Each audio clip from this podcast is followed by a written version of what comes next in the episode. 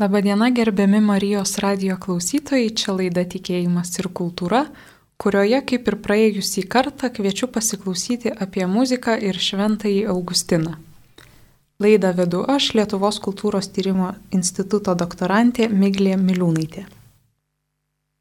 Taigi praėjusioje laidoje bandžiau trumpai nupasakoti ilgą ir turiningą Švento Augustino gyvenimą ir bendrais bruožais nusakyti, koks buvo jo santykis su muzika.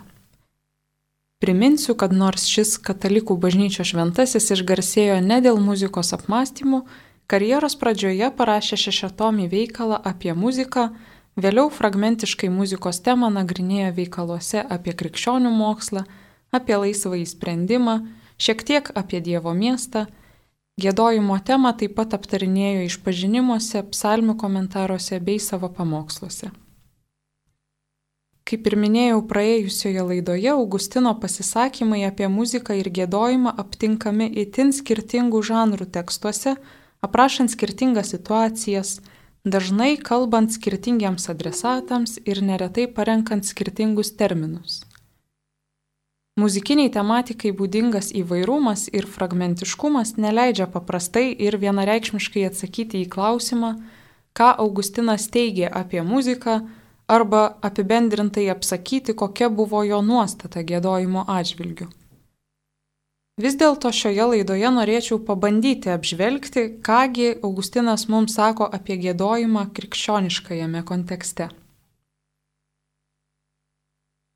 Ankstyvieji dialogai ir išpažinimai atskleidžia, kad psalmės ir giesmės vaidino svarbu vaidmenį paties Augustino dvasiniai raidai. Garsiojo atsivertimo metu jis tyliai skaitė Šventojo Pauliaus laiškus, vėliau deklamavo psalmes, o po krikšto Milane gėdojo giesmes bažnyčioje. Vienas vengrų kilmės tyrinėtojas Georgas Heidel pastebi, kad sekant iš pažinimų pasakojimo Augustinas, atsisakydamas retoriaus karjeros, tylėjo, o po to pamažu atgavo balsą rečituodamas psalmes. Tačiau jis pastebi, kad Augustinas negėdojo, kol netapo bažnyčios nariu. Ir tyrinėtojas teigia, kad tokia įvykių eiga labai dera su tuo, kaip Augustinas paprastai žiūri į gėdamas giesmės. Gėdojimas jam yra tai, kas yra skirta šlovinti Dievą bažnyčioje. Na, atrodytų, kad toks požiūris, kad gėdojimas yra skirtas teikti Dievui šlovę, yra gan akivaizdus ir anokia čia išvalga, Tačiau ankstyvųjų krikščionių raštuose tai yra tik vienas iš galimų vertinimų. Kiti bažnyčios tėvai buvo nusiteikę skeptiškai ir dažnai ir pats Augustinas muzikos ir gėdojimo atžvilgių pasisako atsargiai. Pavyzdžiui, iš pažinimuose skaitome tokį Augustino svarstymą.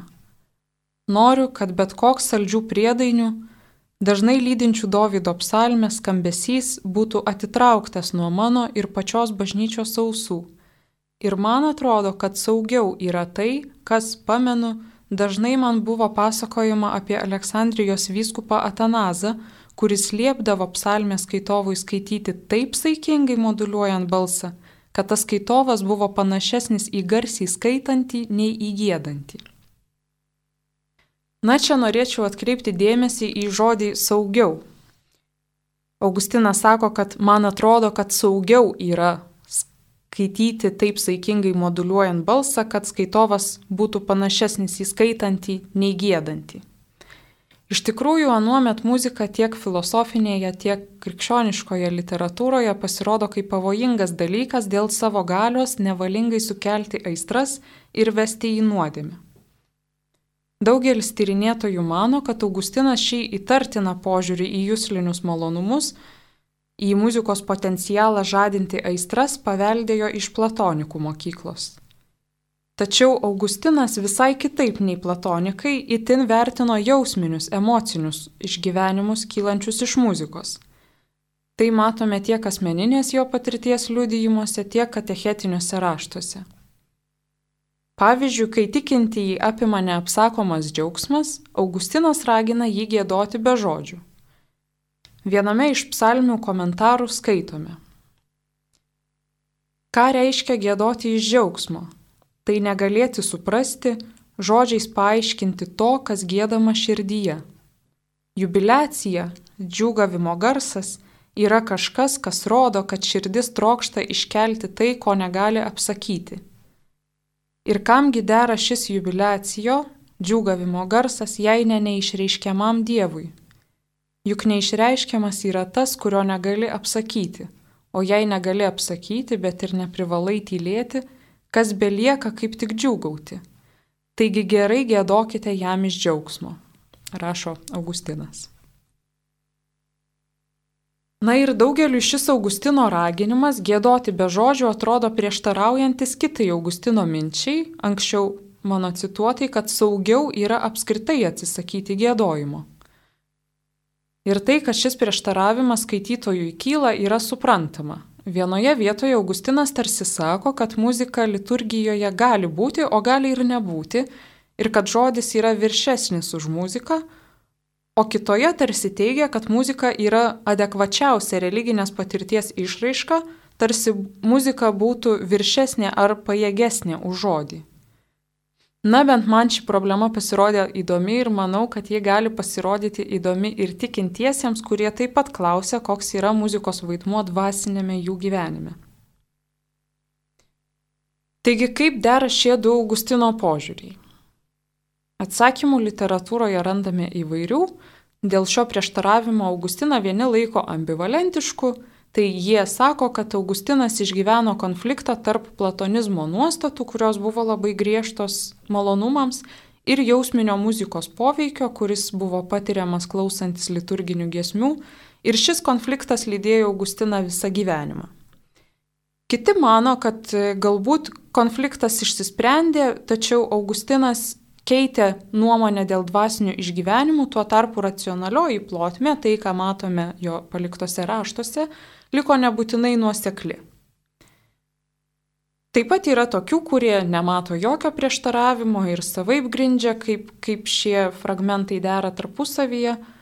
Pavyzdžiui, Neseniai pasirodžiusios knygos apie Augustino muzikinį simbolizmą autorė Laurens Vui dar neįsitraukė į šiuos debatus ir įrodinėja, kad muzika Augustino mąstymo kontekste ne tik peržengia kalbos ribotumą, bet ir pajėgia perteikti prasme virš bet kokios išraiškos formos. Kitaip sakant, jis sako, kad muzika ir žodžiai nekonfliktuoja, bet muzika yra kažkas apskritai kitaip vertinamo ir pranoksta visas išraiškos formas. Aš siūlau atsižvelgti į dviejų atvejų, tai vieną, kai Augustinas ragina gėdoti be žodžių ir kitą, kai Augustinas dvėjoja ar apskritai leisti gėdojimą bažnyčioje, šių dviejų situacijų, situacijų skirtingumą. Tai siūlau atskirti situacijas pagal tai, kad e, vienu atveju apie muzikinę išraišką kalbama betarpiško ir neprieinamo kitam, tikinčio ir Dievo santykio kontekste, ir antra, kuomet kalbama apie labiau tarpininkaujančią išraišką sudėtingesnėme santykyje, tai kuomet yra gėdantysis, besimeldžiantysis ir Dievas. Ir čia norėčiau trumpai papasakoti apie praėjusioje laidoje minėto šio laikinio prancūzų filosofo Žano Luko Marijono siūlomą Augustino skaitimo būdą. Prancūzų filosofas teigia, kad Augustino išpažinimai nėra autobiografija, tai yra savo paties parašyta biografija, bet heterobiografija, tai yra kito žmogaus parašyta biografija. Jis tai aiškina gan sudėtingai, bet aš pabandysiu šiek tiek paaiškinti, pamatysim, kaip pasiseks. Jis tai aiškina tuo, kad kūrinyje išpažinimai yra trys pašnekovai - autorius, Dievas ir skaitytojai. Marijonas pabrėžia, kad tikrasis išpažįstantysis yra tas, kuris yra kalbantis tik Dievui. O ta asmenybės dalis, išpažinimo autoriaus asmenybės dalis, kuri gali kažką papasakoti apie save, yra jau išėjusi iš savęs, įsitraukusi į savistabą ir dėl šio atsitraukimo išeina iš savo grinojo ego ir susilieja su kitais. Kitaip tariant, Marijonas sako, kad mūsų tikroji savastis yra tik ta, kuri išpažįsta Dievui, arba kad iš tikrųjų egzistuojame tik būdami Dievo akivaizdoje. Čia, jei kas iš klausytojų yra pažįstami su Dekarto žymėje ištara kogito ergo sum, mastau vadinasi esu, Štai augustiniškoji egzistavimo pagrindo versija skambėtų confiteor ergo sum, išpažįstu vadinasi esu. Labiausiai savimi esame šlovindami Dievą arba išpažindami nuodėmės, o tuomet, kai norime kalbėti kitiems, mums tenka tam tikra prasme išeiti iš savęs. To išeimo prasme, konkrečiai išpažinimų atveju, yra siekis sužadinti kitų protus ir jausmus, skaitytojų troškimus patirti šlovinimą ir atgailą ir taip juos paskatinti įtraukti į išpažinimą, skaitytojų ir Dievo santyki. Paprasčiau sakant, Marijonui atrodo, kad autentiškas Augustino ir Dievo santykis yra visiškai uždaras ir lygiai taip pat kiekvieno iš mūsų santykis su Dievu yra vidinis ir betarpiškas. Tačiau rašydamas išpažinimus Augustinas arba bet kuris iš mūsų pasakodamas apie save tampa pats savo kaip kitas. Jis atsitraukia, įsijaučia į skaitytojo rolę ir pasakoja savo istoriją. Ir pasakojimo tikslas čia nėra gerai papasakoti istoriją ar gauti literatūrinį skaitytojų pripažinimą. Augustinas siekia, kad mes, skaitytojai, įkvepti jo pasakojimo, patys grįžtume į savo ir Dievo santyki, kurio pagrindas yra išpažinimas. Tiek nuodėmių išpažinimas, tiek išpažinimas šlovinimu. Na, manau, kad ši logika gali būti naudinga ir bandant suprasti Augustino aprašomas gėdojimo patirtis Gėdojimą suprantant būtent kaip šlovinimo aktą. Dabar noriu pristatyti, kaipgi Augustino tekstuose pasirodo tyla ir gėdojimas kaip išpažinimo aktas. Dešimtojoje išpažinimų knygoje skaitome, kaip aprašomas nuodėmių išpažinimas. Ir dėl kokių vaisių išpažįstu tau pasakiau, Tai aš darau ne kūno žodžiais ir garsais, bet sielos žodžiais ir minties šauksmu, kurį pažįsta tavo ausis. Kai esu nedoras, išpažinti tau yra ne kas kita, kaip bodėti savimi. O kai esu doras, išpažinti tau yra ne kas kita, kaip priskirti tai ne savo, nes tu viešpatie laimini teisų jį, bet prieš tai nuteisi nebedievi. Taigi mano išpažintis, mano Dieve, tavo akivaizdoje atliekama tau tylomis ir netylomis. Tyli balsu, bet šaukia meilę. Nuodėmių išpažinimui Augustinas nesirenka nei kūno žodžių, nei garsų, o tinkamesnių būdų akustinių požiūrių laiko tylą. Įdomu tai, kad kiti to meto filosofai, pavyzdžiui, neoplatonikai, patiriant neapsakomą vienybę su Dievu, jį garbino tylos kultu kadangi tyla laikyta viršesnė už bet kokią jūslinę išraišką. Augustino požiūris išsiskiria tuo, kad neapsakoma džiaugsmo ragina išgėdoti džiaugsmingų šūkavimų. Juk neišreiškiamas yra tas, kurio negali apsakyti. O jei negali apsakyti, bet ir neprivalai tylėti, kas belieka kaip tik džiūgauti. Gerai gėdokite jam iš džiaugsmo. Gėdojimas čia pasirodo kaip ypatinga išraiškos forma, kai susidurėma su nepajėgumu pačiam suprasti ir apsakyti to, kas vyksta širdyje. Gėdojimo be žodžių pranašumas čia tas, kad tai nereikalauja formuluoti žodžių apsakyti jo priežastį.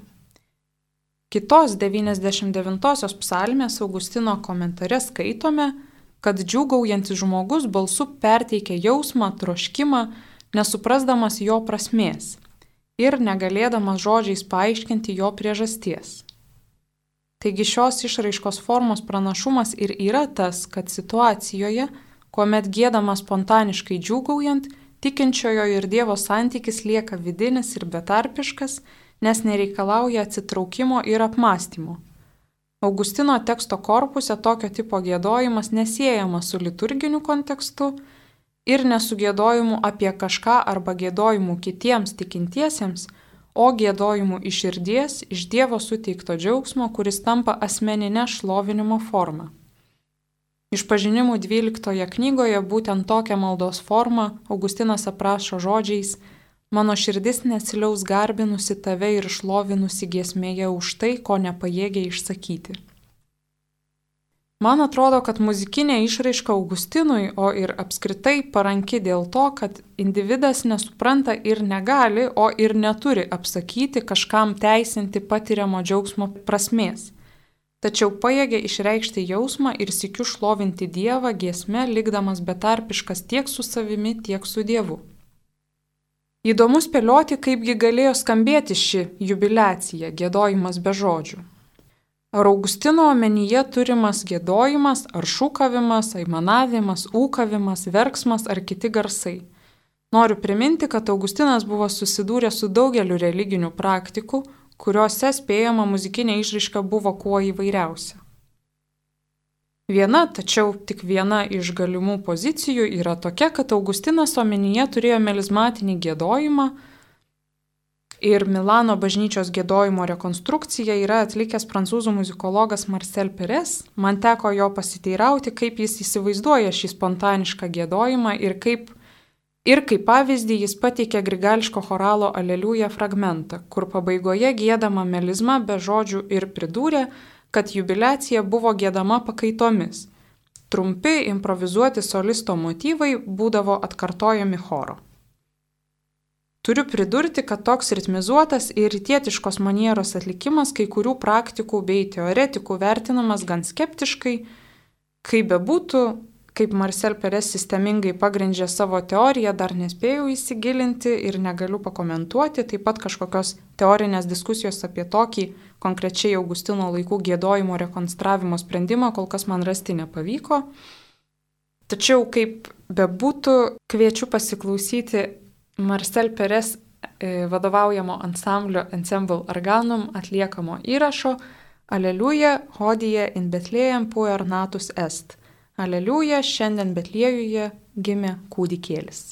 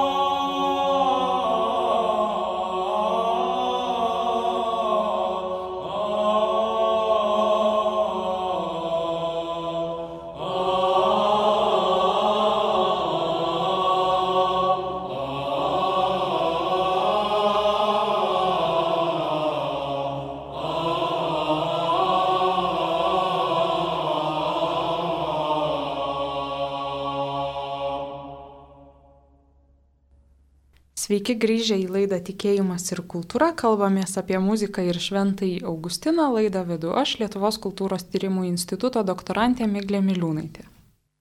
Prieš tai kalbėjome apie muziką kaip šlovinimo formą, būtent asmeninio šlovinimo formą, tačiau kitokią situaciją aptinkame išpažinimų fragmente, kuriame Augustinas klausos malonumus aptarė sudėtingesnėme santykyje. Augustinas joje atlieka ne gėdančiojo, o klausytojo rolę. Ir dabar pacituosiu ilgesnį išpažinimų fragmentą. Noriu, kad bet koks saldžių priedainių dažnai lydinčių Davido psalmės skambesys būtų atitrauktas nuo mano ir pačios bažnyčios sausų. Tačiau, kai prisimenu savo ašaras, kurias ką tik atgavęs tikėjimą, liejau klausydamasis bažnytinių giesmių ir kai būtent dabar esu jaudinamas negėdojimo, bet to, kas gėdama, kai gėdama skaidriu balsu ir kuo tinkamiausiai moduliuojant, vėl pripažįstu didelę šio papročio naudą. Taip ir blaškausi tarp malonumo pavojaus ir išganingos patirties, ir nors ir nepareikšdamas nepakeičiamos nuomonės, vis labiau linkstu pritarti papročiui gėdoti bažnyčioje, įdant silpnesnė siela ausimis patirto malonumo dėka pakiltų į pamaldumo būseną. Tačiau kai su manimi nutinka taip, kad mane labiau sujaudina gėdojimas negu tai, kas gėdama, prisipažįstu, kad nusidedu ir kad esu vertas bausmės ir tada bevelyjų nesiklausyti gėdančiojo. Štai kokia mano padėtis.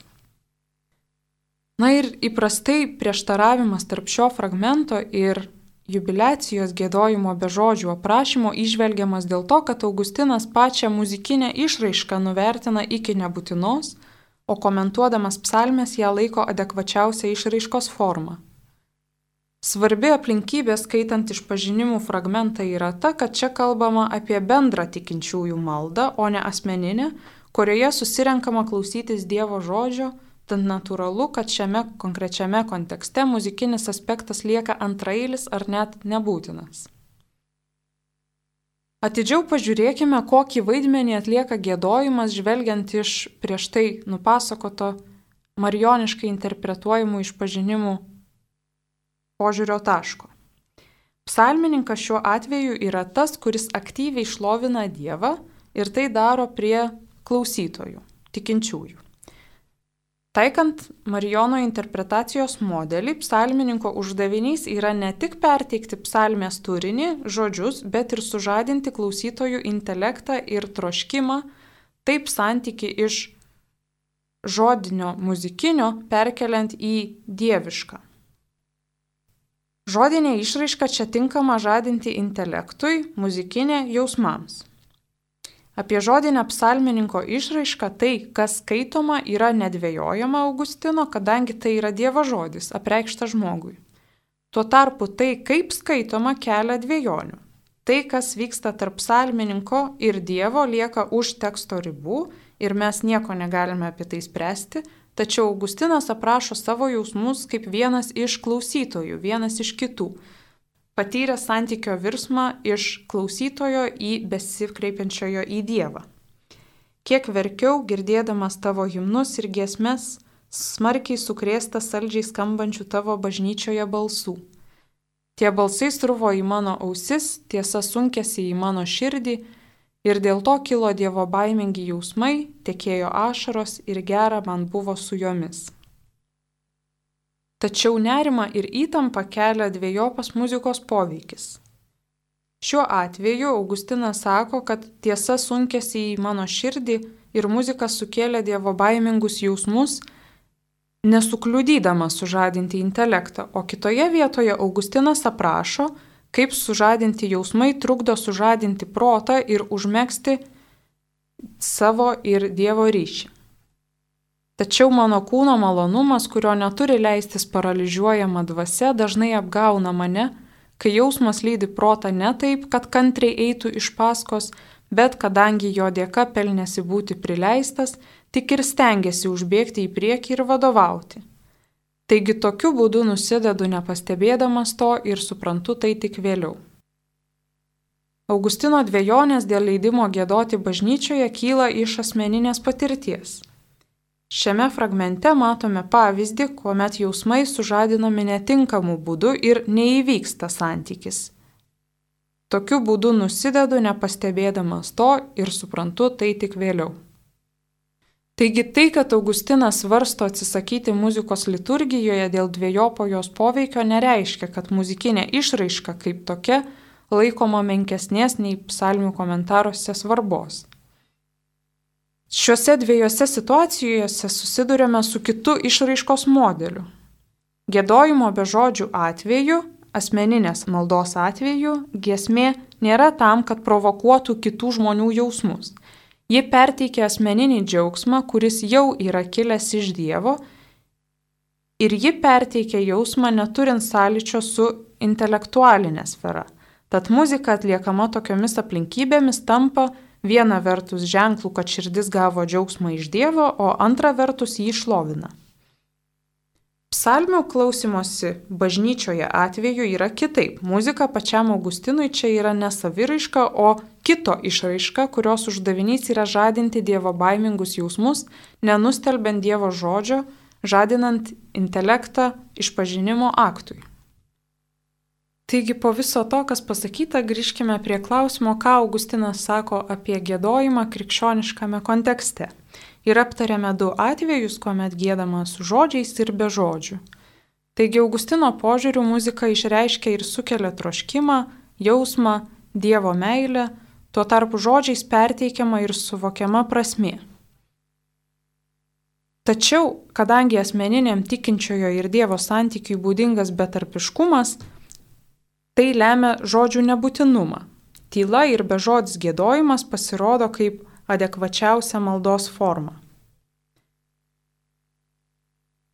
Tačiau, kai santykis sudėtingesnis, kai dalyvauja klausytojas, Dievas ir tikintysis, iš gėdotojo reikalaujama sužadinti klausytojo troškimą, meilę ir intelektą. Konkrečioje psalmių gėdojimo situacijoje Augustinas švento rašto žodžius laiko viršesniais, o muziką antrailę kadangi čia svarbiausia sužadinti intelektą iš vien su jausmais. Dievo žodis nekelia dviejonių, o gėdojimo poveikis remiantis asmeninė patirtimi gali būti dviejopas. Taigi kiekviename santykyje tam tikros išraiškos formos pranašumas atsiskleidžia savaip ir tokioje žiūroje Augustino požiūris nepasirodo kaip prieštaringas. Tad sakyčiau, kad Augustinas kviečia giesmėmis šlovinti Dievą, tačiau kartu ir įspėja, kad klausos malonumuose glūdi pavojus išblaškyti arba žadinti aistras. Tai dėkoju Marijos radijo klausytojams uždėmesį. Su jumis buvo laida Tikėjimas ir kultūra, kalbėjomės apie muziką ir šventąjį Augustiną. Laidą vedžiau aš, Lietuvos kultūros tyrimų instituto doktorantė Miglė Miliūnaitė.